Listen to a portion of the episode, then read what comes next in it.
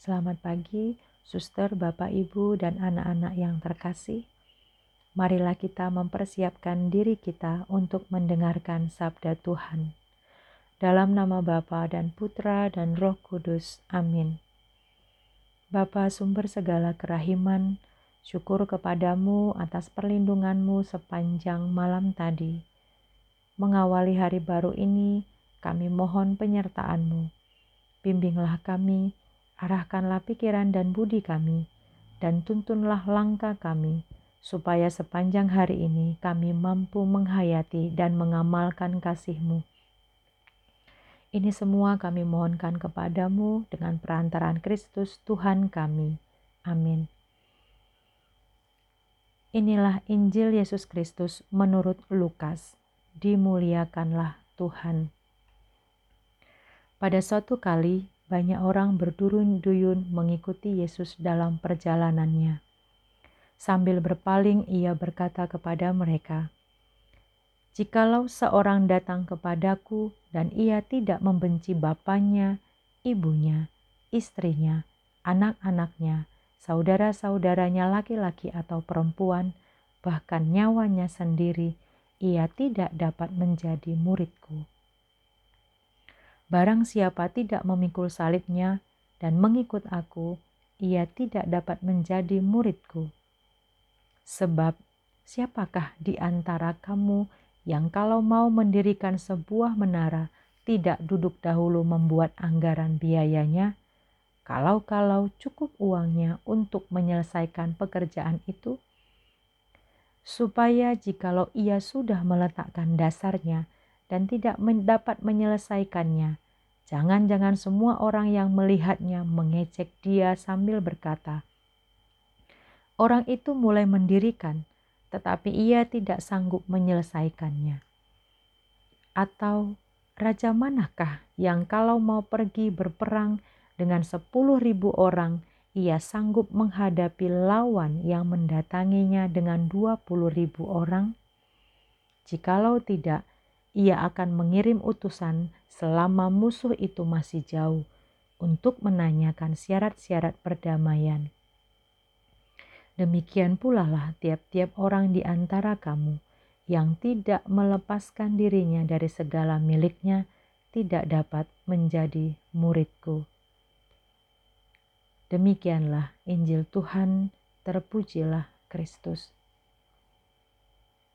Suster, Bapak, Ibu, dan anak-anakku yang terkasih, konsekuensi mengikuti Yesus adalah harus siap sedia seperti Dia yang menanggung penderitaan, bahkan kematian. Karena itu, ada syarat-syarat yang harus kita penuhi untuk bisa mengikuti Dia. Syarat yang dimaksud yang pertama adalah hendaknya kita selalu mengutamakan Yesus. Apa pun situasi yang kita hadapi, bahkan bila kita dihadapkan pada pilihan yang rumit, mengikuti Dia harus diletakkan di tempat pertama.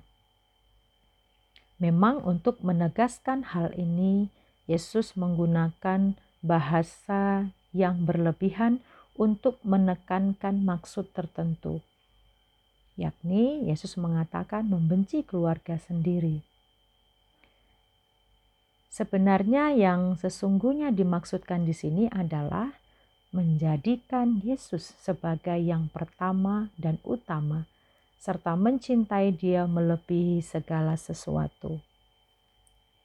Syarat yang kedua adalah kita harus siap memanggul salib. Salib adalah inti kehidupan orang Kristiani. Salib sering dimengerti sebagai penderitaan, namun tidak semua penderitaan adalah salib. Suatu penderitaan dikatakan sebagai salib bila merupakan akibat atau konsekuensi dari perjuangan iman, kasih, kebenaran, keadilan, dan perdamaian jadi syarat menjadi pengikut Yesus adalah siap memperjuangkan kebenaran dan keadilan kendati kita harus mengalami penolakan ataupun penderitaan bahkan mengorbankan nyawa sendiri. Syarat yang ketiga adalah kita rela melepaskan diri dari segala yang dimiliki. Pertanyaannya, apakah kita harus menjadi miskin dan tidak memiliki apa-apa untuk menjadi pengikut Yesus? Tentu tidak. Yang dikehendaki Yesus adalah agar kita tidak terikat pada harta benda. Kelekatan hati pada barang-barang duniawi bisa menjauhkan kita dari hubungan yang intim dengan Allah. Lebih dari itu, meninggalkan yang dimiliki berarti kita juga mau berbagi dengan sesama yang membutuhkan. Maka, suster, bapak, ibu, dan anak-anakku yang terkasih, menjadi pengikut Yesus adalah tidak memiliki kelekatan hati dengan harta duniawi dan juga kita diajak untuk selalu berbagi dengan sesama. Amin. Marilah kita berdoa. Tuhan Yesus yang baik, tuntunlah aku menjadi murid yang setia, mengikuti jejakmu, supaya aku semakin menyerupai Engkau dan menjadi kabar gembira bagi sesama. Amin. Dalam nama Bapa dan Putra dan Roh Kudus. Amin.